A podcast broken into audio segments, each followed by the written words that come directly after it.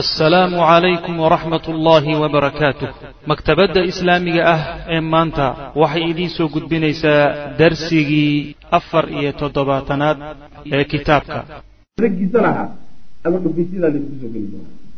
Dhaartooda iyo yani waxa weeyaan waxa ka baxaya yay la joogi lahay arrimaha argagaxa ku ridatanaa ka mid marka. Hadallada noocaas oo kale. Waxiinaydin markaasay baadaruu waxay degdegeen ila nuzuuli inay ku degaan calaa xukmi rasuli lah sal ly sl nabiga xukunkiisa inay dusha kaga degaano xukumka nebiga ay qaataan macna. Wa amara rasul lah sal lay sl nebigu wuxuu amray biictiqaali rijaal ragga hala xidhiidho markay isa soo dhiibeen ragga meesha ha wada xidhiidho bu nebigu salawatullah waslamu caleyh fawadacad waa la dhigay alquyuudu xadkihii ayaa fii aydihim gacmaha lagaga xidhay. Taxta ishraafi muxamed ibnu maslamata alansaari maxamed ibnu maslama alansaari ninkii la odhan jiray ayaa macnaha arrintaana mas'uul looga dhigayo ilaalinaya macnaha isagaa mas'uulka ciidan dhan baa ilaalinaya laakiin ciidanka ilaalinaya yaa isagu mas'uulkaya isagaa mushrif ah korjoogka macna wa jacalat innisaau haweenkii waxay bilaabeen.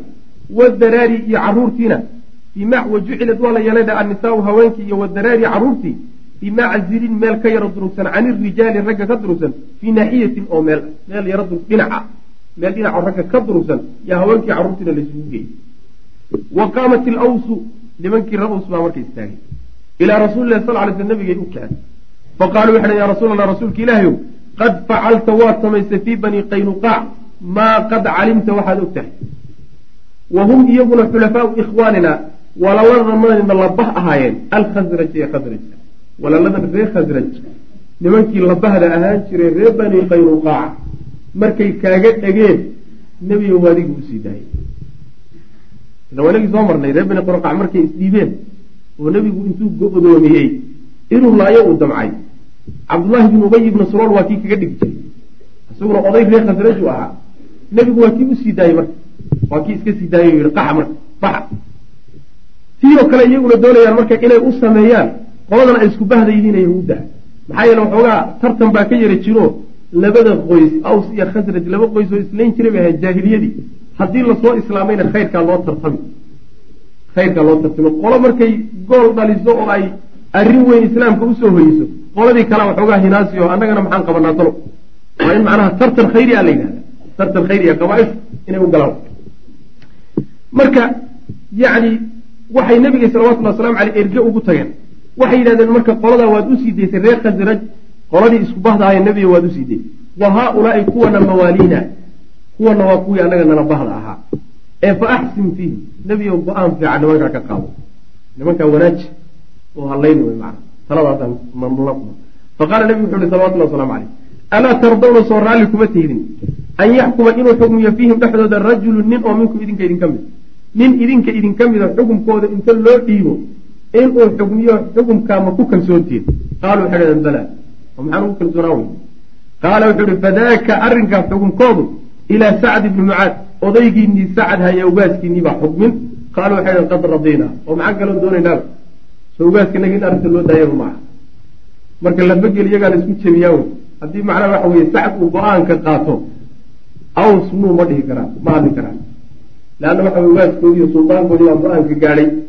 Haddiise nebigu qaato salawatullahi wasalaamu caleyh nebigo annaga waxoogaa yani maxaa naloogu yara jiifsaday baa imaan karta. Nimankanba waad u sii daysee? Annaga maxaasaa naloo yeelay? Taasaa imaan karta nebigu marka wuxuu yihi sacad baan arrintaa u daayay fa ursila waa loo cidiray ilaa sacdi ibnu mucaadin baa loo cidiray sacad marka madiinu jiraa waa nagii soo sheegnay inuu ku dhaawacmay yani wixii laysku tuurtuurahayey godka markii la joogay inuu ku dhaawacmay. Masaajidka nebiga salawatullah waslamu aleh dhexdiisa waxaa uga dhisan tayndho oo halkaasaa lagu dhaawacinaya. Meeshaasuu joogaa. Waa la raadiyey marka. Wa kaana fi lmadiinati madiinuuna joogay. Lam yakruj muusan soo bixin. Macahum saxaabada muusan soo raacin liljurxi dhaawici dardi alladii dhaawacaasoo kaana ahaa asaaba mid ku dhacay akxalahu yani halbowlihiis fii macrakati alaxzaabi dagaalkii axzaab waxaa urkiba waxaa la saaray ximaaran dameer baa la soo saaray wa jaa ilaa rasuli lah sal lay slam nebigu u yimid fajacaluu marka waxay bilaabeen yaquuluuna inay ku leeyihiin wahum kanafayhi ayagoo dhinacyaha ka socda yani ree aws baa markay arkeen isagoo soo socda yaa dhinacyaha laga galay waa la xidxidaya waa la shukaaminaya waxoogaa waxaa la doonayaa in la kasbo oo go'aankiisa wax laga bedelo la ogaado. Waxay hareeraha intay ka galeen ba waxay ku dhadayaa sacdu sacdow ajmil wanaaji oo qurxi fii mawaaliika. Nimankan inala ahaa bahda inala ahaa arrinkooda wanaaji. Fa axsin fiihim dhexdooda wanaag sameeyo go'aan fiican ka qaado oo ha ku kalax tegi fa ina rasuula lahi sal lay sl nabigu qad xakamaka xaakim iyo wuxuu kaaga dhigay nin xukmiya. Ayuu adigaa lagu xilsaaray wey lituxsina fiihim si aada wanaag ugu samayseen arrintaasi kuma jirto lituxsina fiihim kuma jirto waa loo daayey ama asagu ixsaan ha ku sameeye ama isaa ha ku sameeye ha loo daayey buu nebigu uri salawatullah waslamu caleyh laakiin iyagaa doonahaya inay macnaha waxa fahamsiiyaano nebigu inaad u samafashood wanaag samayso yani macnaha waxa lagaa raba arrinka saasaa lagu xilsaaray wa huwa sacadna saakitun waa aamusan yahay marka laa yarjicu ilayhim uma jawaabayo uma celinayo shay-an waxba kalamama niqaashahayo waa nin macnaha ushiisa meeshuu ka goyn lahaa mar horuba xaditayo meel buba go'aankiisa u yaallaa. Nuuba u dhimaayo iska warrama idinku daldalma. Ayib falamaa aktaruu calayhi markay hadalkii ku badiyeen ayaa qaala wuxuu ihi laqad aana lisacdin sacad waxaa u dhowaaday oo u soo galay anlaa ta'kudahu inaysan qabanin fi llaahi ilaahay dartii lawmatu laa'imin. Nin dagaala ama eedeeya eeddiisa inuusan ilaahay dartii ugu aaba yeelin sacad taasaa go'aanka. Ah saas horayba waa inagii soo marnay soo ninkii ducaysan jiray maa ee dhihi jiray reer bani qurayda ilaahu meeshay ku dambeeyaan adoon anoon goobjoog ka noqonin ilaahu adduunka hay dhaafin. Soo ninkii dhihi jiray maa bishimuhu xunaya marka ilaahu kugeebuba leeyahay. Go'aankaasu marka siiyey. Nin aan ugu aaba yeelaya iyo nin aan uga xishoonahayo iyo nin aan macnaha waxa ku eedayn aan is leeyahay ma jirtee wixii ilan qumanaadee ilahay waafajiyon baan ka oran buri arrinta iyada. Falamaa samicuu dalika arrinkaa markay maqleen minhu xaggiisa ayaa rajaca bacdum qaarkood waa walaabtamay ila lmadiinati madiina iskaga laabtay fanacaa ilayhim wuxuu reer madiine gaadhsiiyey yani oo yani uga geeri warramay. Alqawma raggii reer bani qurayda waa dhammaadeen buu gaadhsiiyey. Hadda weli lama laynin. Go'aankii sacad ee ahaa ninna ugu aabayeeli maayo yaa waxay ka qaateen raggaasi inay baaba'ayaan reer madiina waxaa la gaadhsiiyey raggii reer bani qudayra waa u dhammaatay. Baabee walama intaha sacdu sacad markuu soo gaadhay ila nabiy sal lay sl nabiga markuu soo gaadhay ayaa qaala wuxuu ku yihi lisaxaabati saxaabada nabigu wuxuu ku yihi quumuu istaaga ilaa sayidikum ugaaskiina isu taaga faanziluuhu waa riwaayo kala soo dejiya. Yani intaad istaagtaan dameerka ka soo dejiya wey macana yan isagu ma kare. Falamaa anzaluuhu markay soo dejiyeen qaaluu waxay dhen ya sacdu ina haaulaai alqawmi ina haaulaai alqawma raggan kadaata reer bani qurayda qad nazaluu way degeen calaa xukmika xukumkaagii bay ku degeen. Adaa macnaha lagaaga dambeeyaayo lagu xilsaaray xukunkooda go'aan ka qaado. Qaala wuxuu ihi wa xukmii naafidun calayhim xukumkaygu ma ku fulaya ma lahubaa xukumkan qaato inuu nimankaa ku fulay qaala ihi nacam haa. Qaala wuxuu ihi wa cala lmuslimiin muslimiintana ma ku fulaya go'aankaa nimankaa ka qaato oo ma ila ogolaanaya qaaluu waxay ihi nacam haabani qaala wuxuu ihi wa calaa man haahunaa halkan waxa joogana saas u jeesada macnaha waa nebiga salawatullah waslam nebigaa dhanka ka jira dhanku ka jiray umuusan jeesanina weyneyn iyo hayba daraaddeed xagga intuusii jeesaday buui wa calaa man haahunaa xaggan waxaa iga ah oo nebiguna arrintaa iyadaa iyaduna ma ku go'aayo ma waafaqaya macnaha haddaa go'aan ka qato wa acrada wuu jeediyey biwajhi wejigiisa isagoo jeediyo xagga u sii jeesaday iyo wuxuu yihi wa calaa man haahunaa wa ashaara ilaa naaxiyati rasuuli lahi sal ly sl nabiga dhankiisuuna markaa tilmaamay ijlaalan weyneyn daraaddeed lahu nabiga uu weyneynayo wa tacdiiban buu saa u yeelaya macna qaala wuxuu uhi nabigu sal lay slam nacam wa calaya anigana waa igu fulayaa haa anigana go'aanka waa igu fulayaayo ka noqod ma lehe sacdow go'aan qaadanay qaala wuxuu uhi fa anigu axkumu waxaan xukminayaa fiihim dhexdooda an yuqtala in la laayo wixii horta waxa weye rag ah oo hub qaadi karo oo dhan qoorta ha loo guduudiyo. Wa tusbaa ha la adoonsado adduriyatu caruurtana ha la qafaasho wa tuqsamu lamwaalu xoolahana hala qaybsado. Halkaasu ku dhuftay faqaala rasul lahi sal lay sl nabigu wuxuu yihi laqad xakamta waxaad ku xukmisay sacadow fiihim dhexdooda bixukmi illaahi ilaahay xukumkiisii min fawqi sabci samaawaat. Toddobada samo korkooda xukumkuu ilaahay ka gaadhay ayaad sacdow nimankaa ka qaadatay buu nabigu yuri salawatullah waslamu caleyh leanna waxa weeye ikhlaaskiisa iyo daacadnimadiisa iyo sida uu mabda'a islaamka ugu go'ay yaa keentay xukunka rabbi inay iswaafaqaan subxaana wa tacala saas wey wuxuu tixgelin siinaya ma jirto. Reerkaagaa ku tuuri iyo ugaasnimadaa lagaa tuuri iyo waa lagu necid iyo ama ceebowdaa iyo ama lagu dhaleeceeyaa iyo wararkaasi ma yaallaan saas wey acdaa ilaahay wey wixii la ogaabay ku kaceen niman loo dulqaadan kara ma aha adigaba tan hadday kaa helaan mayna kuu dulqaateen. Sidaa daraaddeed meesha wax leeda naxdin buu layihahda markaan. Nebigu salawatullahi wasalamu caleyh marka waa ammaanay xukumka uu saacad ka qaatay nimanka reer banu qurayda. Hada wabilahi tawfiiq sal allahuma wasalam cala nabiyina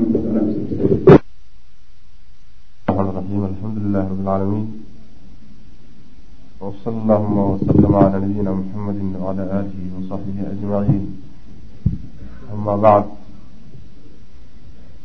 waxaan ku soo dhex jirnay haswadii reer bani qurayda uu nabigu ku qaaday salawaatu ullahi wasalaamu caleyh waxaa inoo dambeeyey in arrinkooda loo xilsaaray sacad xukunkii uu gaadhay ee uu ka qaatay ayaa inoo dambeeyey oo ahaa in la laayo wixii rag ah hub qaadi kara dagaalami kara wixii carruur iyo haweenana in la qafaasho xoolahana in la qiibsado nebiguna salawatullahi wasalaamu caleyhi xukunkaas inuu ku sheegay inuu yahay xukunku alla subxaana watacaala arrintaa kaga gaadhay min fawqi sabca samaawaat toddobada samo korkooda xukum noocaasa inuu ilahi subxana watacala ka qaatay. Xukumkaa sacad marka waxoogaa waxaad moodaa inay ka muuqaso oo dadka qaarkii ka fahmi karaan ka kanaan iyo naxariis daro sidaasaa laga yaaba dadka qaarkii inay ka fahmaan. Taasaa marka sheekhu doonaya fahamka noocaas ee khaladka inuu bixiyo. Wa kaana wuxuu ahaa buu yihi xukmu sacdin. Sacd xukunkiisu wuxuu ahaa uu nimanka ka qaatay fii gaayati alcadli cadaalad kaba dambays ah walinsaafi iyo garsoor kaba dambays shay gar ah cadaalad ku salaysan weliba meeshii ugu dambeysay ah yuu xukunka sacd uu nimankaa ka qaatay uu ahaa. Yani marnaba dulmi kuma jirin. Maxaa yeelay fa ina bani qurayda nimanka reer bani qurayda la yidhaahdo bilidaafati markii lagu daro ilaa martakabuu waxay sameeyeen oo min algadri ballanfurkii ashaniici ee foosha xumaa ballantii ay ka baxeen ee foosha xumayd ka sokow kaanuu waxay ahaayeen qad jamacuu kuwa ururiyey. Ballantaa ay ka baxeen iyadoo ay jirto. Waxa iyadana ay sameeyeen kaanuu waxay ahayen qad jamacuu kuwa ururiyey. Liibaadati lmuslimiina muslimiinta ciribtirkooda darteed waxay u ururiyeen alfan wa khamsumia sayf kun iyo shan boqol oo seefood. Wa alfayni min alrimaax iyo laba kun oo warmo ah. Wa halaahumiati dircan iyo saddex boqol oo dirac. Dirac bireedka la gashado. Wey wa khamsu miati tursin wa jaxfa iyo shan boqol oo gaashaamo ah. Gaashaanka noocyadiisa isugu jira. Xasala calayha almuslimuuna muslimiintii way heleen waxyaalaha bacda fatxi diyaarihim. Deegaankoodii iyo guryahoodii markay qabsadeen kadib oy furteen. Yaa waxaa laga soo saaray waxaan la yaab kale. Quwadda intaa la-eg inay meesha ku aasan tahayba lama tasawurayni malaha nimanka kadaata diyaar garoobiba muddo ku jireen aan laga warhaynin oy u diyaar garoobahayaan inay qaadaan tilaabo ay ku soo afjarayaan jiritaanka dowladda nabiga salawatullahi waslamu caleyh madiine ka jirta. Marka niman dambiilayaala bay ahaayeen wa amara rasuulu lahi sal lay slam nabigu wuxuu amray wuu amray nimankaa in la xidxidho fa xubisat waa la xidxidhay banu qurayda. Bani qurayda ayaa la xidxidhay fii daari binti alxaaris. Gabadha la yidhahda ina xaaris gurigeeda ayaa lagu xidxidhay imra'atin haweeney wey oo min bani najaar ree bani najaara wa xufirat lahum waxaa loo qoday. Khanaadiqu godod waaweyn baa fii suuqi lmadiinati madiina suuqeeda looga qoday waa xabaalihii lagu aasi lahaa. Uma amara bihim markaasuu nabigu amray salawatullahi wasalaamu caleyh in la laayo. Fajacala waxa fajacala waxa wuxuu gudagalay. Yadhabu bihim yudhabu dheh fajucila waxaa la gudagalay. Yudhabu bihim in lala aadayo ila alkhanaadiqi godadkii. Arsaalan arsaalan. Yacni horin horin. Koox koox baa kolba inta laga soo saaro meeshii lagu xadhiyay oo lala tago meeshii godadkii la jeexay lala aado qoorta loo dheereeyaa meeshaas lagu tuuri baktigooda wa tudrabu waxaa la garaacayaa fii tilka alkhanaadiqi godadkaa dhexdooda acnaaquhum luqumahooda in la garaaco ayaa marka la bilaabay. Yani markii qoladii godka la geeyaba luqunta in laga jaro.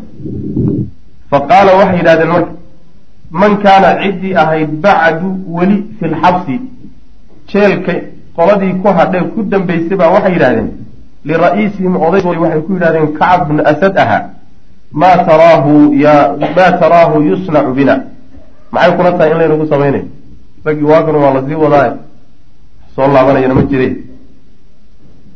raggan waxa lagu sameeyey inaguna aanu xidhannaha laynagu samayn doono maxay kula tahay bay dheh malaha rajay weli nolol ka qaban fa qaala wuxuu ihi afii kulli mawtinin laa tacqiluun meel walbood joogtaanba waxba garan maysaan miya dad wax fahmaya ma tihidin. Shalay baan idiin soo jeediyey saddex talo saddexdii talaba diidee maantana waxaad leedihiin idinkoo indhihiinu shan yihiin oo ay idiin muuqdo ragga waxaa lagu samaynayo. Haddana caqligiini waa maqan yahay. Afii kulli mawtinin laa tacqiluun. Amaa tarawna miyaydaan aragoo uusan idiin muuqanin addaaciya ninka ragga u yeedhayahay laa yanzacu inuusan yeedhidda daynaynin ka joogsanin kolba koox soo baxa uu leeyahy nin daalayaba ma ah wadaahibu ninkii tegay minkum idinka idinka tegayna laa yarjicu inuusan soo laabanayn soo idin idinma muuqato. Ninkan ragga madhanaya la baxayana nin daalaya inuusan kolba koox la baxay. Raggii idinka tegayna inaysan dib damba wax idinku soo noqonaya inaysan jirin. Soo wax idiin muuqda maa su'aasha macnaha maxay ma su'aal bay u baahantay. Huwa arrinka laynagu samayna wallahi ilahay baa ku dhaartay alqatlu. Waa layn wey raggii horena tage inaguna waynu daba soconnaa. Wa kaanuu waxay ahayn raggaas maa bayna mia ilaa sabci mia toddoba boqol ilaa lix boqol ilaa toddoba boqol bay udhexeeyeen raggi o dhan. Raggii lalaayay fa duribat waa la laayay waa waxaa la garaacay? Acnaaqahum luqumaha laga gooyey. Seef baa lagu garaacayo luqumaha laga wada jaray.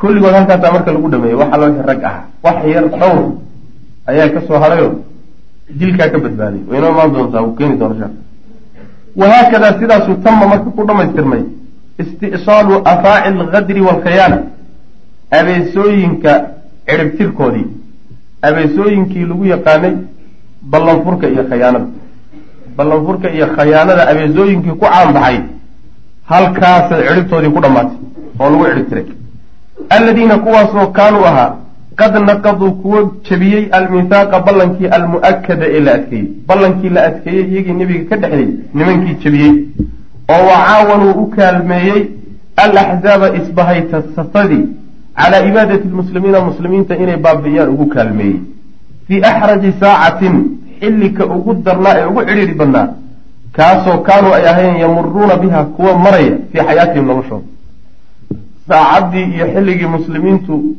ay ugu cidhiiri badnaayeen ugu culays badnaayeen ugu cadsi badnaayeen ayay cadowgoodii la safteen. Wa kaanuu waxay ahaayeen qad saaruu kuwa ahaaday bay noqdeen waxay noqdeen bicamalihim camalkoodaas iyo hawshaas ay sameeyeen ballanfurka iyo xaaladda adag ee ay muslimiinta ka safteen. Arrinkaas dartiibaa waxay ku noqdeen min akaabiri mujrimii alxuruub dagaalaha dagaalada mujrimiintooda kuwa ugu waaweyn. Musalaxaasi waa musalax xadiid o adduunka hadda laga isticmaala. Haasatan wasail iclaamkaa isticmaala. Mujrimu xarbin haddaad maqasho waa dembiilo dagaal. Dembiilo dagaal dembiilayaal dagaal kuwii ugu waaweynaa bay marka noqdeen. Aladiina kuwaasoo yastaxiquuna mudan mutay almuxaakamata in maxkamad dawli a la saaro walicdaama markaa kadibna weliba dil lagu xukumo in maxkamad la saaro weliba ay dil ku xukmido yay mutaysteen maxaa yeelay dembiilayaal dagaal bay noqdeen. Maadaama ay muslimiinta dhan ka noqdeen ballantiina ka baxeen xaaladda adagna ay gacan ka geysteen sidii muslimiinta loo tirtiri lahaa. Nimankaasi marka qaabka loo laayey iyo qaabka loo cidhib tiray waa miday mudnaayeen. Miday mudnaayeen. Godkay iyagu qodeen unbay ku dhaceen. Tabtaa unbay la doonayeen. Nabiga salawatullhi wasalaamu caleyh iyo saxaabadiisa naxariis maysan u galeen waana loo gogolbadiyey oo waa loo sata dheereeyey oo nebigu salawatullahi wasalaamu caleyhi wax badan buu ugu dulqaatay. Intaaba waxay ku soo gaadheen dulqaadka nebiga salawatullahi waslamu caleyh laakiin iyagu jaanis unbay raadinayeen. In marka cad xun oo qurun a weeyaane la gooyo way mutaysteen. Sidaas way macnaha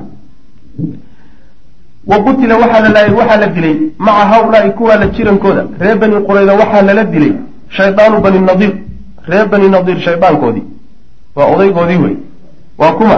Wa axadu akaabiri mujrimiyi macrakati alaxzaab iyo dagaalkii axzaab dambiilayaashiisii dagaalkii ugu weynaa.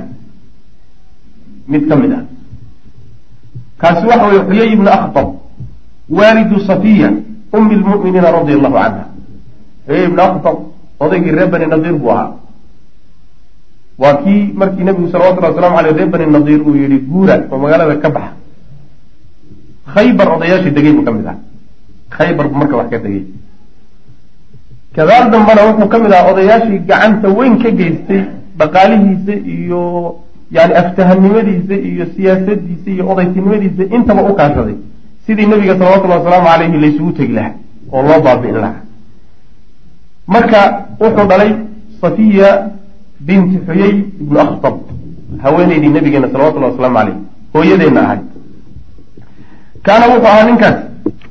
Xuyay qad dakhala mid galay buu ahaa maca bani qurayda reer bani qurayduu la galay fii xisnihim qalcadoodii yani dhufayskay ku jireen buu la galay.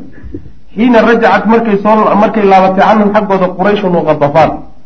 Quraysh iyo qatafaan iyo qabaaishii soo duulay markii dabayshu ku kacday iska laabteen. Guuldarro la laabteen yuu isagu muusan laabanine reer bani qurayduu dhufayskay ku jireen la galay. Oo maxaa geliyey? Wafaa'an oofin daraaddeed buu u galay. Likacb min asadin uu u oofinayo bimaa kaana wixii uu ahaa caahadahu calayhi mid kula ballamay oo ballanta uu kula galay. Xiinamaa jaa'a markuu u yimid yuhiiruhu isagoo ku qalqaalinaya oo ku kicinaya cala algadri ballanta nebiga inuu ka baxo. Waalkhiyaanati muslimiinta inuu khayaamo ayaama gaswati alaxzaab duulaankii axzaab maalmaheedii ay taagnayd. Waataan soo marnay. Ninka la yidhaahdo xuyay ibn akhtab waa ninkii ku qanciyey kacab bnu asad oo reer bani qureyda odaygooda ahaa. Ninkii ku qanciyey weye inuu ballanta uu nebiga kula jiro ka baxo. Isbahaysatadan soo degtayna uu gacan siiyo. Si looga takhaluso nebiga salawatullhi wasalaamu caleyh iyo saxaabada ninkii ku qanciyey wey markaa uu u yimid waa kii diiday kacab oo arrinta iyo talada marka hore ku diiday. Gadaal dambe laakiin wuxuu ku qanciyey haddii nimankaa aada sheegayso ay laabtaan oo dagaalka ay geli waayaan oo sida aan doonayna wax u dhici waayaan anigu kaa carar maayo kaana noqon maayo godkaan kula soo gelaya. Halkaasaan ama kugula noolaan ama kugula dhiman doonaa ballantii taa ahaydee horay ugu qaaday yuu marka u oofinaya saas daraaddeed buu meesha ula soo galay macna falamaa utiya markii la keenay bihi isaga. Xuyayii markii isagoo la wado la keenay qoorta in laga goyana la doonayo walxaal calayhi dushiisa ay tahay xullatun isku joog. Mare isku joog oo qurux badan buu qabaa. Qad shaqahaa oo uu jeexjeexay min kulli naaxiyatin dhinac walba wuxuu ka dilaaciyey biqadri anmulatin farta xubinteeda wax la eg oo kale. Lianlaa yuslabahaa si aan looga siibanin si aan looga siibaninoo looga qaadaninoo loogu intifaacin bal inkaarto qaba u fiirsa maradii buu intuu inyadii cadcad u googooyey yuu dulduleeliyey oo karin karin ka googooyey oo iyadoo karma karma ah oo dulduleel meelan oo dildilaacsan yuu qabaa. Yaa lagaa dhaxlin buu leey inkaar buu qabaa majmuucatan xaalo ay tahay baa la keenay mid la kulmiyey yadaahu labadiisa gacmood ilaa cunuqihi luqunta lagu kulmiyey bixablin xadhig. Yacni inta gacmaha kor loo xidhay oo luqunta saa lagu yidhi baa luqunta iyo gacmaha laysku xidhay. Saa isagoo u xidhan baa la wadaa.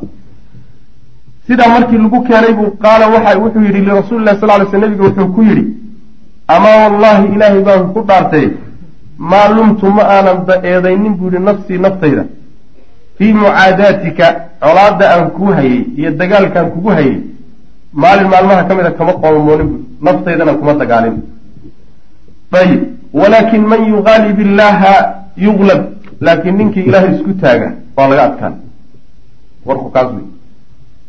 Weligay yalahay mabda-aygii kama tanaasul inaan colaad ku hayo laakiin musiibaday ugu dhacdayba waxay tahay ilaahay baan isku taagay oo inaan iska celiyo isku dayay ilaahay nin isku taagayna in laga adkaani waa hurtila wey abiyo gaba dhibcaad ninkii ilahay isku taagay subxana wa tacala waa rumaysanya oo nimanka ree yahuudeed iyo qabaaisha ree yahuudeed ee meesha degan waa inagii soo marnay kacb bni asad markuu macnaha waxa weye la telinayay reerkooda oo diinta qaata uu lahaa saddexda tala markuu soo jeedinayay wuxuu ku yidhi war ninkan inuu xaqi wayna ogna. Kitaabteennina waa kii ku yaalay marka way og yihiin. Ee laakiin waxaa ka qaalib noqotay waxyaalo kale. Uma qaala wuxuu yihi markaa kadib ninkii la odhan jiray xuyay ayuha annaasu dadow laa ba'sa dhib ma laha biamri illaah ilaahay arrinkiisa iyo talada uu inoogu taliyey dhib ma laha kitaabun waa qoraal rabbi wa qadarun iyo qadar rabbi wa malxamatun iyo dagaal oo katabaha allahu ilaahay uu ku qoray oo ku waajibiyey calaa bani israiila reer bani israiil uu ku waajibiyey. Waa qadar ilaahay o reer bani israa'iil baa dusha laga saaray. Marka maqaadiir ilaahay baa inagu tukumaysa. Uma jalasa markaasuu fadhiistay meeshii qoorta lagaga goyn lahaa. Fa duribat cuniquhu markaasaa luqunta laga jaray kelimaadka waxoogaaga sagootiga markuu sii daayay ayaa markaa kadib maarka waa dardaarankay dhihi jireen macnaha madax. Marka macnaha ruuxa la daldalaya maxaa dardaarmi baa la dhihi? Nin kawaanka loo sii wado oo isagaba la dili rabo. Maxaa dardaarmi? Maxaad codsanaysaa? Madaxweynuhu inuu saamixaan codsanaya saamixid ma jirto. Waa la is wadaa. Marka tii oo kale wey kelimo malageed galay oo macnaha waxa iska reeb uun is leeyahay weeyaan laakiin inuu dhimanayo waa wa qutila waa la dilay min nisaa'im haweenkooda. Waxaa laga dilay imra'atun waaxida hal haweeney ah haweenkii carruurtayga waxba lagama dilin. Kaanat waxay haweeneydaasi qad daraxat mid tuurtay oo riday arraxa dhagax shiide ayaa waxay ku riday calaa khallaad ibni suwayd ninka la yidhahdo oo muslim ah faqatalathu markaasay dishay. Faqutilat waa la dilay liajli dalika saa daraaddeed baa loo dilay. Haweenkii halka haweeney baa laga dilay.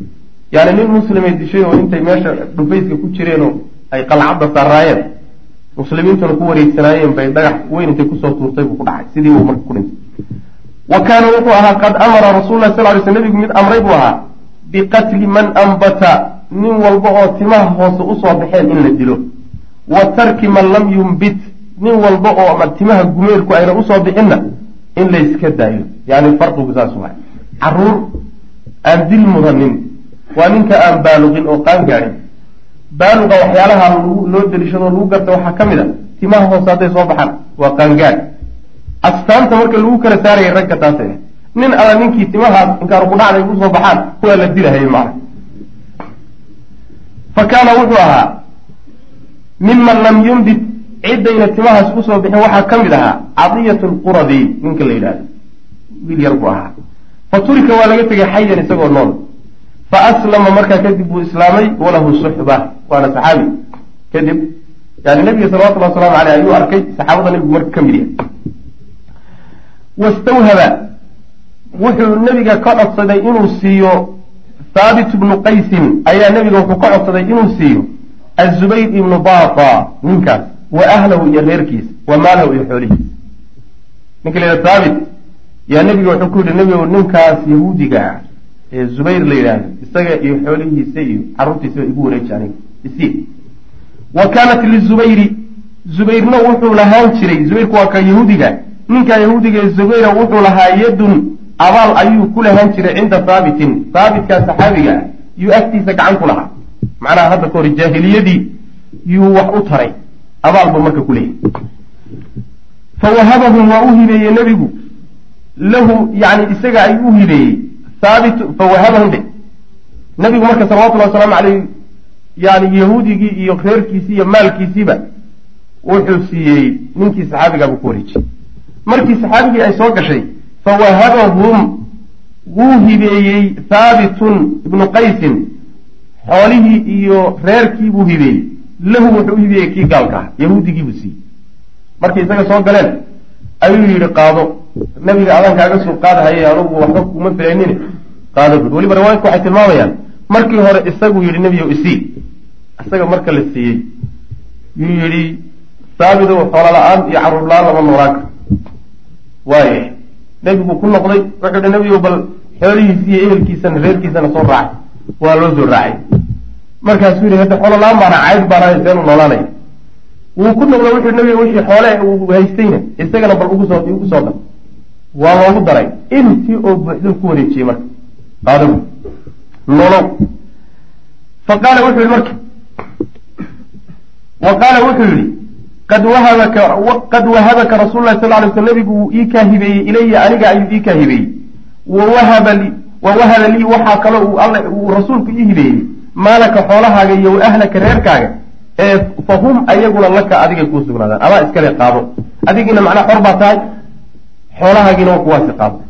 Fa qaala zubayru wuxuu yihi bacda an calima markuu ogaaday kadib bimaqtali qawmihi tolkii iyo reerkiisii inay dhammaadeen markuu ogaaday ayuu wuxuu yihi su'aal bu horta weydiiyey wuxuu ku yidhi bal ka waran raggii odayaasha ahaa kacab ibni asad iyo xiyay ibni akhtab iyo raggii salaadiintii iyo ugaasyadii bal ka warran maxay ku dambeeyeen? Saabido wuxuu ku yihi kuwaasi kuma yaqaanaan.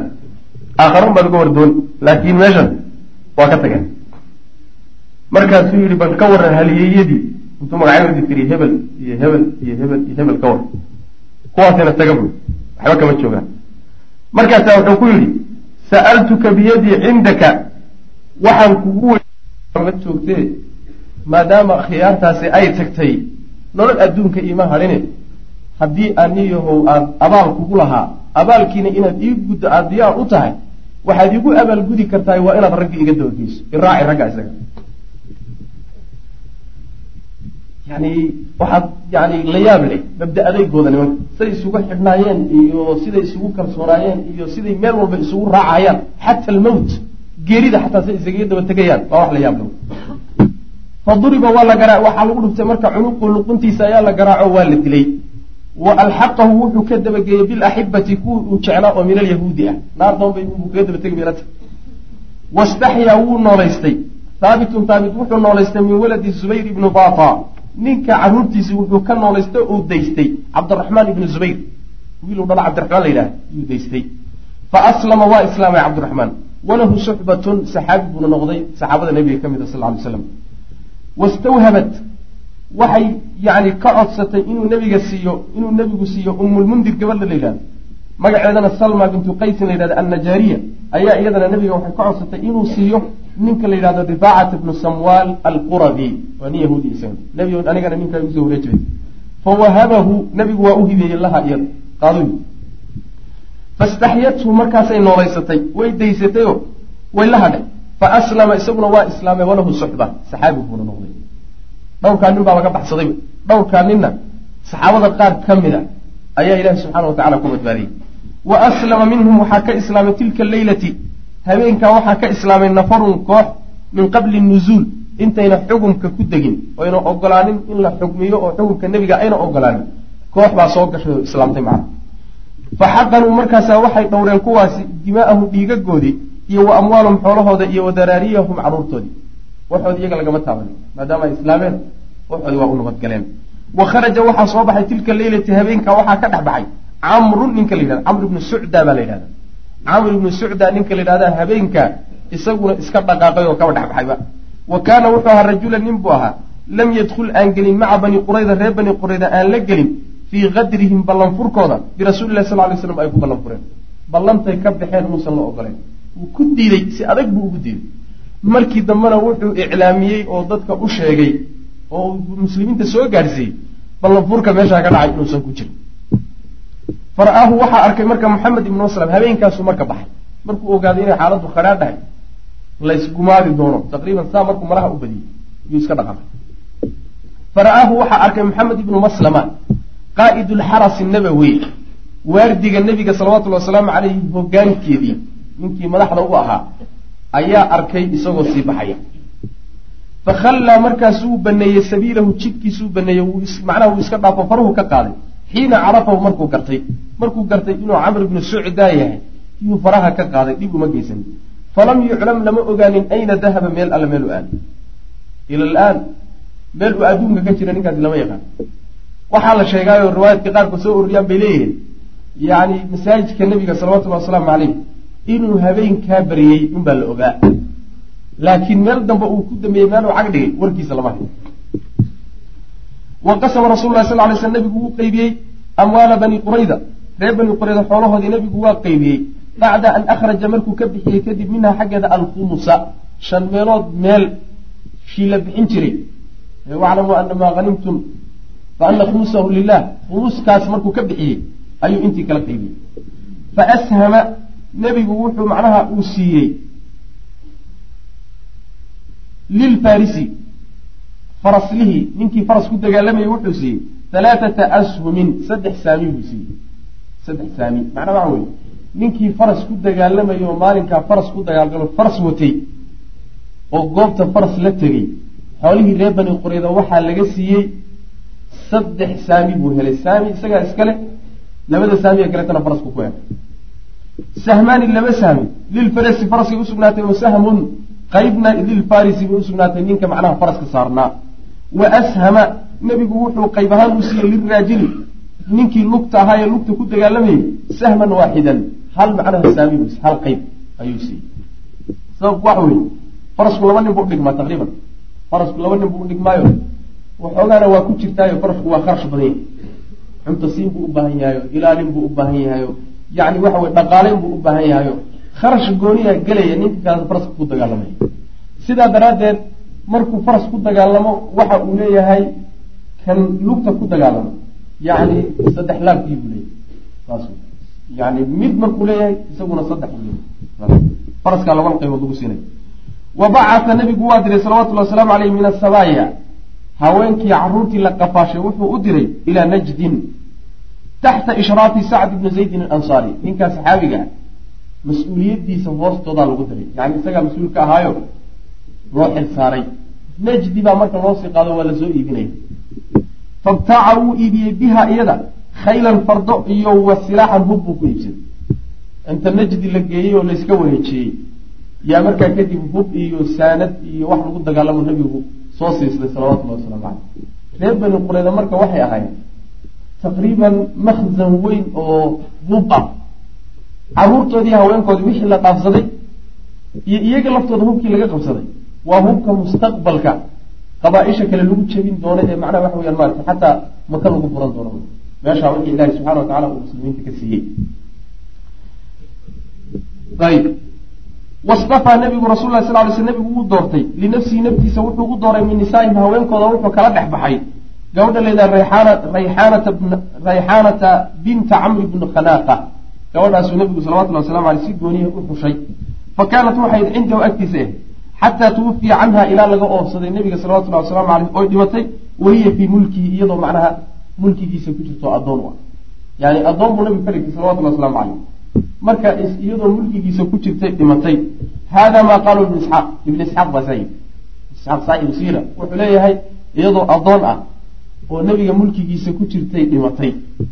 Wa qaala alkalbiyu kalbina wuxuu yihi waa ragga taariikhda waxoogaa ku yaro fiican laakin xadiidka xaggeeda kadaabinta lagu tilmaamay wa qaala alkalbiyu wuxuu yihi inahu sal lay sl nabigu actaqaha waa xorey. Wa tazawajaha wuuna guursaday sanata sittin alhijriya. Sanadkii lixaad buu guursaday nabigu salawatullahi waslamu caleyh markuu xoreeyey kadib xornimay markuu ku dhimatay. Saasuu leeya saas isku khilaafsanya midna wuxuu leeyahy iyadoo addoonay dhimatay midna wuxuu leeyahy may wuu xoreeyey iyadoo xore dhimatay. Wa maatat way dhimatay marjicahu soo laabadkiisii markuu nabigu ka soo laabtay min xajati lwadaac fadafanaha nabigu waa aasay bilbaqiic buu ku aasay yani markuu nabigu xajatulwadaac ka soo laabtay waa sannadkii tobnaad wey sanadkaa tobnaad ee nabigu salawatullhi wasalaamu caleyh uu geeridiisuba soo dhawaatay soo noqodkiisii ayay jidka ku geeriyootay markaasuu baqiic nabigu salawatullahi wasalaamu caleyh uu ku aasay. Markuu soo laabtay manaa madiin madiina markuu ku soo laabtay. Walamaa atama markuu nabigu dhamaystiray salawatullahi wasalaamu caleyh amra qurayda reer qurayda arrintoodii markii la gebagabeeyey oo ilaahay subxaana wa tacaala inkaar ku riday yani nafsi baa qabtay nimankaas nafsi waxa la yidhahda ayaa ku soo degdegay maxaa yeelay inta wax loo sameeyey iyo inta loo gogol xaadhay iyo inta wanaag loo sameeyey xad mara ayaguna balaayo unbay maleegaya markii marka arrintoodii halkaa ku gabagabowday ayaa ujiibat waxaa la aqbalay dacwatu lcabdi saalix addoonkii wanaagsanaa baryadiisii buu ilahay aqbalay subxana wa tacala sacd ibni mucaadaha radi allahu canhu allatii dacwadaa iyo baryadaasoo qadamnaa aan soo hormarinay dikraha sheegitaankeeda fii gazwati axzaab duulaankii axzaab aan ku soo hormarinay duulaankii axzaab inuu ku dhaawacmay haddana ilahay uu wariyey markuu dhaawacmay yaan ku soo hormarinay wa kaana nabiyu dacwadaa iyo baryadaasina waxay ahayd ilaahay oo haddii dagaalka nimanka reemaka iyo annaga naga dhexeeya wax ka laaban yahay. Cid aan ka jeclahay inaan la dagaalamo jidkaagana kula dagaalamo reemaka ma jirteen ilah idayso oo isii noole.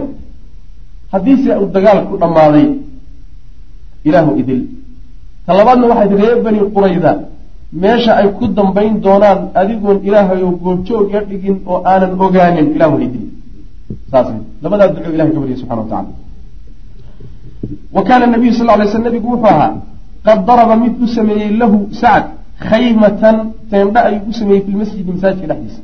Liyacuudahu si uu soo booqdo min qariibin meel dhow uga soo booqdo. Ilaa nabiga gurigiisa salawatulli wasalaamu caleyh xujarka qolalka xaasaskiisu masaajidkay ku dheganaayeen marka meel agtiisa uu ka booqan karo u tegi karo yuu nabigu damcay salawatullhi wasalaamu caleyhi inuu dhigo masaajidkaa marka looga teendha looga sameeyey waxaa laga qaadanayaa masaajidku inuu noqon karayo yani mustashfa meel isbitaal ah. Qayb ka mida in isbitaal laga dhigi karo haddii muslimiinta meel lagu daaweeye la waayo in dhiigooda iyo dhaawicintooda iyo daawooyinkooda iyo dhacaankooda iyo meeshaas masaajidka la dhigayo macana saasaa laga qaadanaya.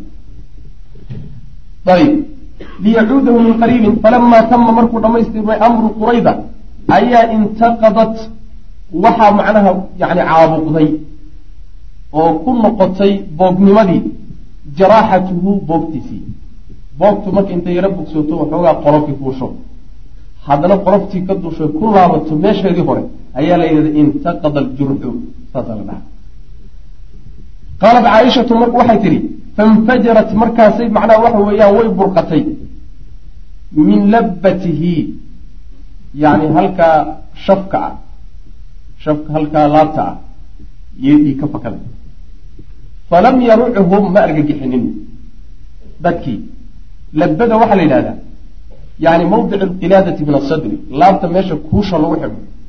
Shayga marka macnaa waxa luqunta aad ku xidhato meeshuu fuulo oo shafka koraa ayaa labada la yidhahdaa marka waxaa laga wadaa halkaasay boogtii markii dambe ka dilaacday waxaana soo sheegnay meeshuu ka dhaawacmay waxay halbowlaha gacanta. Halkaa dhiigga furmay muxuu yahay marka? Way caabuqday. Caabuq waxay leedaha ku dhacay. Yani waxa infectionka hadda la yidhahda ilaa ay gaadhay halkaa macnaha waxa weye uu dhiiggii ka fakday marka dambe saasuu marka falam yarawcuhu ma argagixinin dadkii masaajidka joogay. Wa fi lmasjidi masaajidka dhexdiisana khaymatun teendha ayaa oo min bani hafaar reer bani hafaar teendha ay leeyihiin oo kalaa masaajidka ku dhex taalla. Oo iyadan la degany dadkii teendhada deganaa marka maynan dareemin oo maba argagixininba ilaa waddamu dhiiggii oo yasiilu dareerahaya ilayhim xaggooda u soo dareeray mooyaane. Sacad lama dareemin ma taahin ma uusan dhawaaqin muusan qayliyin qoladii teendhada agtiisa uga dhisnay unbaa dhiiggii oo qulqulahaya u galay sidii daad oo kale. Fa qaaluu waxay dhaheen yaa ahla alkhayma war dadka teendhada deganow maa haadaa kani muxuu yahay ya'tiinaa nooga imaanayo min qibalikum xaggiina war waxaana soo galay daadka ah ee xaggiina nooga yimid muxuu yahay fa idaa markaaba haddii raadkii la raad qaaday dhiiggiiba fa idaa markaaba sacdun ayaa yaqduu waxaa macnaha burqanaya jurxuhu boogtiisiibaa daman dhiig burqanaysa dhiig bay macnaha boodaysaayo sida biyaha xooga badan ay u boodaan shanqadhla weliba ayay u boodaysaa fa maata wuu dhintay minhaa xaggeedu ka dhintay iyadaa daraaddeed marka u dhintayo markiiba nafta kaaga baxday radia allahu canhu ardaa wa fi saxiixayni waxaa ku sugan can jaabir ana rasuula lahi sal lay slam qaala inuu nabigu yihi ihtaza wuu gilgishay carshu raxmaani allah raxmaana carshigiisu limowti sacad ibni mucaad. Sacad ibni mucaad dhimashadiisii iyo geeridiisii darteed ayuu carshiga rabbi subxaana wa tacala la gilgishay yani qiimaha uu ilahay agtiisa kuleeyahay qiimaha uu ilahay agtiisa kuleeyahay ayay macnaha tilmaamaysa bal riwaayo kale waxay leedahay mahtaza carshu raxmaani ila limowti sacdin maba u gariirinoo uma gilgilanin carshiga rabbi cid geeridii ilaa geeridii sacd ibni mucaad mooyaane radi allahu canhu arda wasaxaxa tirmidiyu tirmidi wuxuu saxiix yeelay min xadiidi anas qaala wuxuu ihi lamaa xumilat markii la xambaaray janaazatu sacd ibni mucaad. Sacd ibni mucaad janaazadiisii markii la xambaaray ayaa qaala almunaafiquuna waxay idhahdeen maa akhafa janaazatahu. Alla janaazadiisu fududa fudayd badana. Waxa inay cidi ku jirta ma moodeysid faqaala rasul lah sal lay sl nabigu wuxu uhi ina almalaaikata malaaigta ayaa kaanat waxay dee taxmiluhu mid xambaaraysa malaaig baa waday. Idinkoon tunka idinka saarnaa mooye laakiin malaaig baa culayskiisu ku dhacayayo culayskan aydaan dareemaynin malaaigtii baa wada buu nabigu ku yuri salawatullah waslamu caleyh yani malaaigtii baa ka qayb qaadatay xataa gelbintiisa iyo qabrigeyntiisa iyo aaskiisa malaaigta rabbi baa ka qayb qaadatay saasuu xadiidku tilmaamay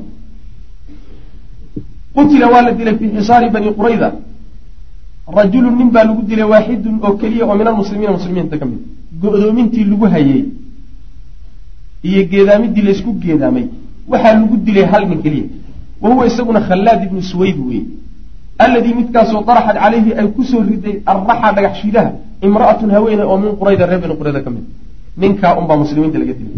Wa maata waxaa dhintay fi lxisaari yani go-doominta dhexdeeda waxaa isaguna ku dhintay abu sinaan ibnu muxsin aku cukaasha cukaashata ibnu muxsin ninkii macnaha waxa weye isagana qaaliga ahaa. Ninkaa ninay walaala yihiin oo la yidhahda abu sinaan ayaa isaguna iska geeriyoodiyey saas maa amaa abulubaaba miya warkii abulubaaba inoo dambeeyey.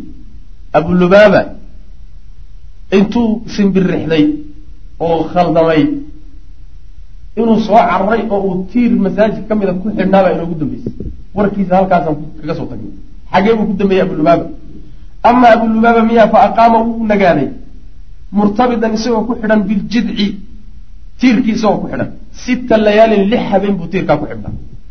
Ta'tihi waxaa u imaanaysa imra'atu haweenaydiisa fii waqti kulli salaati salaad walba waqtigay gasho haweenaydiisa u imaan. Fataxulluhu markaasay xarigga ka furi lisalaati salaada darteed. Salaada intuu tukanahayo yaa xarigga laga furi. Uma yacuudu markaasuu laabani fayartabidu biljidci markaasuu haddana isku xidhi dari yani waxa weye wuxuu isku xidhayaa tiirka uma nazlat markaa kadib baa waxaa soo degtay tawbatu tawbadiisa calaa rasuli lah sal sl nabiga dushay ku soo degtay saxaran amin macnaa hiraabta hora wa huwa isagu nabiguna fii beyti ummi salama. Ummi salama gurigeeda isagoo jooga ayaa waxaa ku soo degay tawbadii ilaahay uu ka aqbalay subxaana wa tacala ninkii la odhan jiray abulubaaba faqaamat way istaagtay ummu salama calaa baabi xujratiha qolkeedii albaabkiisay istaagtay intay soo baxday oo guriga gudihiisii ka soo tagtay albaabka istaagtay wa qaalat lii waxay ugu tidhi yaa abaa lubaaba abshir. Ilan guryaha nebigu sal lay slam waa ku dhow yihiinoo yani sidan oo kale dariishadahan oo kale ku yihiin guriga. Masaajidka nabiga sal lay slam sida dariishadahaasi oo kaleeto ayay ku yihiin xataa nebigu salawatullah waslamu alay isagoo masaajid ictikaafsan yuu intuu dariishada luqunta ka dhiibo. Caaisho oo guriga ku jirta ayay u dhafi jirta saasoo kale marka way u dhawaayeen wa qaalat lii waxay ugu tiri yaa abaa lubaaba abshir bishaarayso faqad taaba allahu calayka ilahay toobadaadi waa aqbalay. Farax. Fataara annaasu dadkiibaa marka kacay oo ku yaacay liyuliquuhu yutliquuhu si ay u soo furaan. Si ay xadhigga uga furaan baa lagu yaacay. Fa abaa wuu diiday an yutliqahu inuu furo axadun ruux ilaa rasuulu lahi sal lay slam rasuulka mooyaane. Axad kale oo xadhigga iga furayo ma jireen rasuulka igu yeedho hadday toobaddu dhab tahay toobadda layga aqbalay hadday dhab tahay rasuulka ha iga furo falamaa mara nabiyu sal lay sl nabigu markuu soo maray khaarijan isagoo u baxay ilaa salaati subxi salaada subax markuu u soo baxay buu soo maray isagoo tiirkii ku xidhan ayuu atlaqahu nebigu furay salawatullahi wasalaamu caleyh xadhiggii meeshaasaa lagaga furay. Waagaa waa la isciqaabi jirayo yani ninkuu markuu dembi galo ila waxyigaa degayey.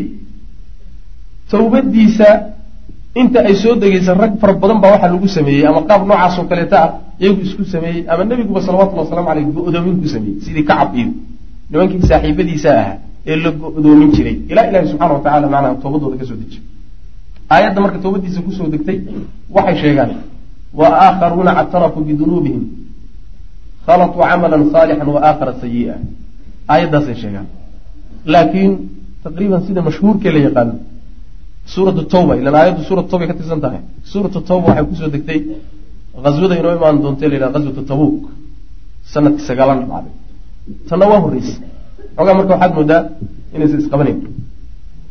Waqacad way dhacday hadihi alghaswatu duulaankaasi waxay dhacday fi dilqacda sana alkhamisa alhijiriya wa daama alxisaaru go-doomintuna waxay daa'imtay khamsan wa cishriina leyla shan iyo labaatan habeen.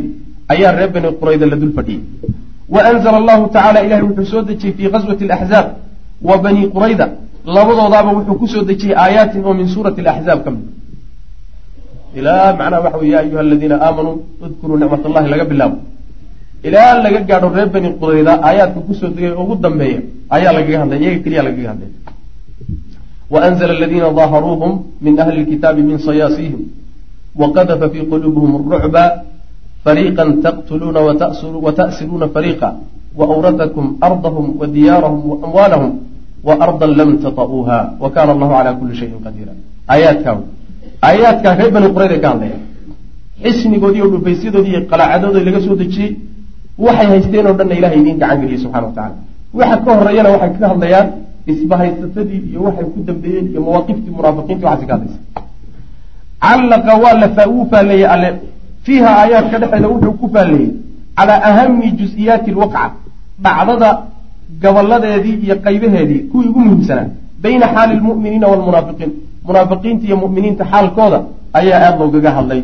Uma markaa kadibna takhdiilu laxzaab isbahaysatada ilahay inuu garabkooda ka baxay oo ilaahay duleeyey guusha la garmariyey ayaa la sheegay. Waradda allahu aladiina kafaruu biaydihim waay waradda allahu aladiina kafaruu bigaydihim lam yanaaluu khayra wakafa allahu lmu'miniina alqitaal aayaadka way macna wa nataaij alqadri waxaa kaloo idan laga hadlay ballanfurku ballanta oo laga baxo yani natiijada ay leedahay min ahli lkitaabi ahlilkitaabka ka timi ballanfurkii ahlilkitaabka ka dhacay yahuud iyo nasaaro ah ayagana natiijadii xumayd ee ka dhalatay baa laga warramay sidaas way macna horey baan u soo sheegnay muslimiintu markay duulaan galaan ama waqaco noocaasoo kale galaan laabudda waxaa jira khaladaad badan baa soo baxa. Khaladaad. Ama kuwa iyagu ay gelayaan baa soo bixi. Ama waxaa soo baxaya qaar muslimiinta lagu jiro jiro munaafiqiinoo baxay. Ama jawaanib dacfi ah oo loo baahnaa in laga xoojiyo muslimiinta ayaa soo bixi. Waxaasaa marka faallo loo qaadanaya. Aayaadka qur'aanka marka saasay u soo degayaan duulaan walba taqriiban oo duulaamadii waaweyneed ka mid a aayado qur'aana ku soo degay macna. Annashaatu alcaskari dhaqdhaqaaqii ciidan. Bacda hadihi alghaswa ee duulaankaa ka dambeeyey. Duulaanka reer bani qurayda dhaqdhaqaaqyadii ciidan ee military ee ka dambeeyey. Maqtalu salaam ibna abilxuqayq dilkii ninka la yidhaahdo salaam ibna abilxuqayq waa nin yahuudiyo isagoon odayaashii ree yahuudeed ka mid a dilkiisii. Kaana salaam ibnu abilxuqayq wuxuu ahaa wa kunyatuhu kunyadiisana aburaafic baa la yidhahdaa ninkaasi wuxuu ahaa min akaabiri mujrimiyi alyahuud yahuud dembiilayaasheeda kuwa ugu waaweyn buu ka mid ahaa. Salaam ibn abilxuqayq aladiina kuwaasoo xazabuu ururiyey alaxzaaba isbahaysatada dida almuslimiina muslimiinta lidkood. Wa acaanahum uguna kaalmeeyey isbahaysatada bilmu'ani qaraamaad iyo kharash. Waalamwaali alkatiira iyo xoolo fara badan wuxuu ka mid ahaa raggii odayaasha ah ee gacan ka geystay isbahaysatadii la soo ururiyey xoolihiisuna ku bixiyey. Xoolihiisu ku bixiyey kharashkii ciidanku wax ka bixiyey. Wa kaana wuxuu ahaa ninkaasi yu'dii mid dhiba rasuula lahi sal lay sl nabigu dhibi jiray.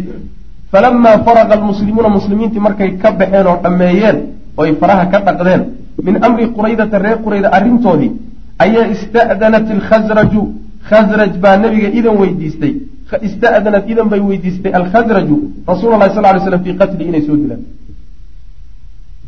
Ree khasraj ayaa nabiga weydiistay inuu u fasaxo salaam oo khaybar jooga inay soo dilaan. Ninkaa nabigu loo ogolo soo diidiisa wa kaana wuxuu ahaa qatlu kacb bni ashraf. Ninkii kacb bni ashraf la odhan jiray isagana odayga yahuudiga ahaa dilkiisu wuxuu ahaa calaa aydi rijaali min alaws rag ree aws ah gacmahood baa lagu dilo oo uu ku dhintay. Fa ragabat ragibat waxay marka jeclaatay alkhasraju fii ixraazi fadiilatin fadiilo iyo wanaag inay hesho iyaduna. Midla fadiilatihim oo reekh aws fadiiladoodii iyo wanaaggoodii oo kale. Ah wanaagay nimankani soo hoyiyeen oo dilkii kacb ibni ashraf ah. Ree aws ay soo hoyiyeen maxamed ibnu maslama iyo raggiisii.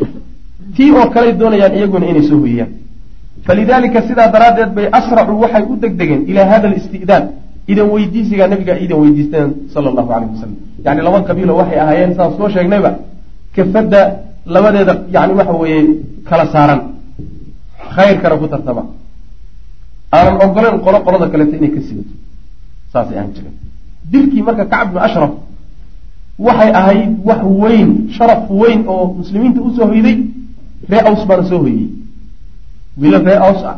Oo nebigu diray salawatullahi wasalaamu caleyh baa soo hoyey ree khasraj marka weligoodba waxay ku taahayeen oo ku taagnayd fadiilada noocaasoo kaleeta ah ee lala dhaafay inay ka daba tagaan nimankii la odhan jiray ree aws oy gaadhaan. Taasaa ku taagnayd waa la tashaday marka. Maalintay fadhiisteen odayaashoodii yaa la yidhi kacab ibnu ashraf yaa u dhigma. Xagga nimanka ree yahuud marka la yidhahdo kacab ibnu ashraf ninka u dhigmi kara ee nimanka aanu ku gaari karno dilkiisa yaa wey wax la wadaba la wadaba la wadaba waxaa lagu soo fadhiisiyey waa salaam ibn abilxuqayq ninka aan weydiisanaa la yidhi marka inaan soo dilno nabiga salawatullah waslamu caleyh saasay nabiga ku warsadeen wa adina rasul lah sal ly sl nabigu waa idmay marka fii qatli dilkiisu soo dila buy wanaha wuxuu mariga nebigu reebay can qatli nisaai wasibyaan haweenkii carruurta iska laakiin. Markaad tagtaan oo dilaysaan haweenka iyo carruurta iska jira tilkooda fakharajat waxaa baxday mafrazatun rag xul ah qiwaamuhaa cadadkeeduna khamsatu rijaalin shan nin ay yihiin shan nin baa isxulay oo reer khasraja kulluhum dhammaantood min bani salima qoyskaasay ka tirsan yihiin lafta oo min alkhasraji reer khasraja qaa'iduhum hogaamiyahooduna cabdullahi bnu catiik waay cabdullahi bnu catiik ayaa mas'uul u ah kharajat way baxday hadihi mafrazatu kooxdaa xulkii waitajahat waxayna aadeen naxwa khaybar. Khaybar xaggeeday aaday maxaa yeelay id ciladu ay u aadaysaa waxa wey kaana hunaaka halkaa waxaa ahaa xisnu abi raafic abi raafic qalcaddiisa iyo dhufayskiisa halkaa ku taalay. Waa meeshuu degan yahayo waa lagu ilaaliya waa nin oday ah. Falamaa danow minhu markay u soo dhawaadeen say u soo socdeen u soo gabanayeen yay u soo dhawaadeen meeshii bay agteeda yimaadeen. Waqad qaraba shamsu iyadoo qoraxdu dhacday wa raaxa annaasu dadkiina ay soo caraabeen bisarxihim xoolahoodii daaqa jiray ay soo caraabiyeen yani xoolihii foofay la soo caraabiyo xeryaha la geliyey. Ayaa qaala cabdullahi bnu catiik wuxuu yidhi liasxaabihi raggiisii wuxuu ku yidhi ijlisuu makaanakum. Halkan igu sii suga. Magaalada waxaa ku wareeg ninkan meeshiisa waxaa ku wareegsan derbi weyn oo albaab leh. Deegaanka meeshaasoo dhan buu ku wareegsan yahay habeenkii waa la xidhaa marka. Sidaas wey marka bal iikaadiya xeeladii marka waxay degayaan ay xeradan ku gelilaayeen ila waxay doonayaan iyagoon la dareemin dil qarsoodiya in ninka la soo dilo. Ma bedheeri karaanoo waa shan nin. Dil qarsoodiyaa la doonaya in la soo dilo marka. Ayib isuga buri marka meeshan igu sii suga. Fa innii anigu munطaliqun waan tegaya wa mutalaqifun lilbawaab ninka albaabka taagan ayaan macnaha waxa weeye yaan isu maldahaya yani intaan gaatamo oon isu qariyo yaan cid kale isaga dhigaya. Lacallii an adkhula si aan bal albaabka u galo.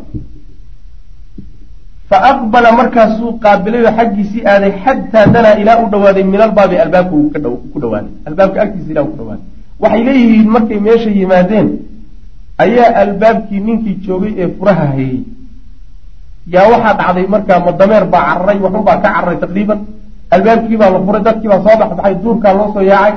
Albaabkii marka waa furan dadkii marka waa la laabteen waa la xarooday waa la xarooday waa la xarooday. Iyaguna marka meeshay fadhiyaan.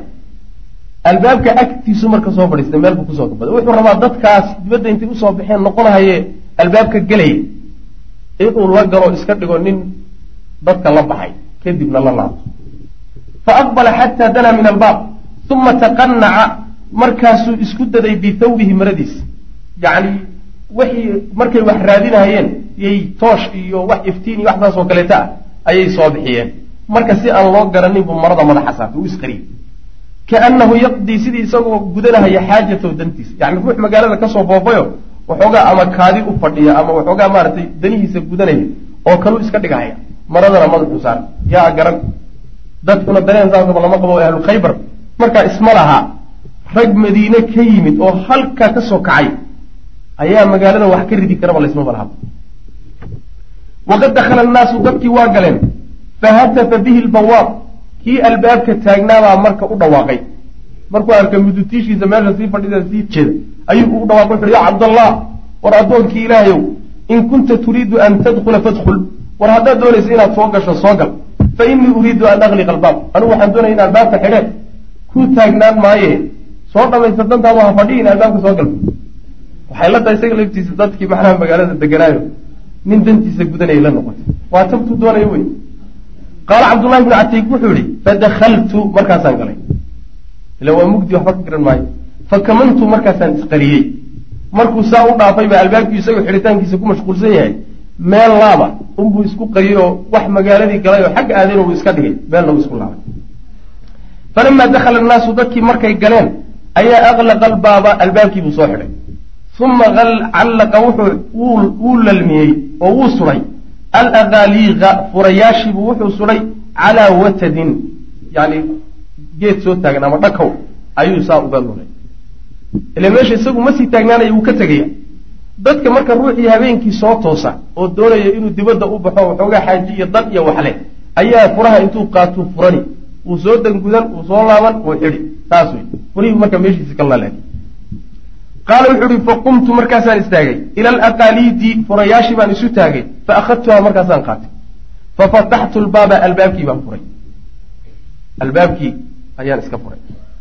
Wa kaana abuu raafic abuu raafic wuxuu ahaa yusmaru cindahu nin agtiisa lagu cawaysimuu ahaa.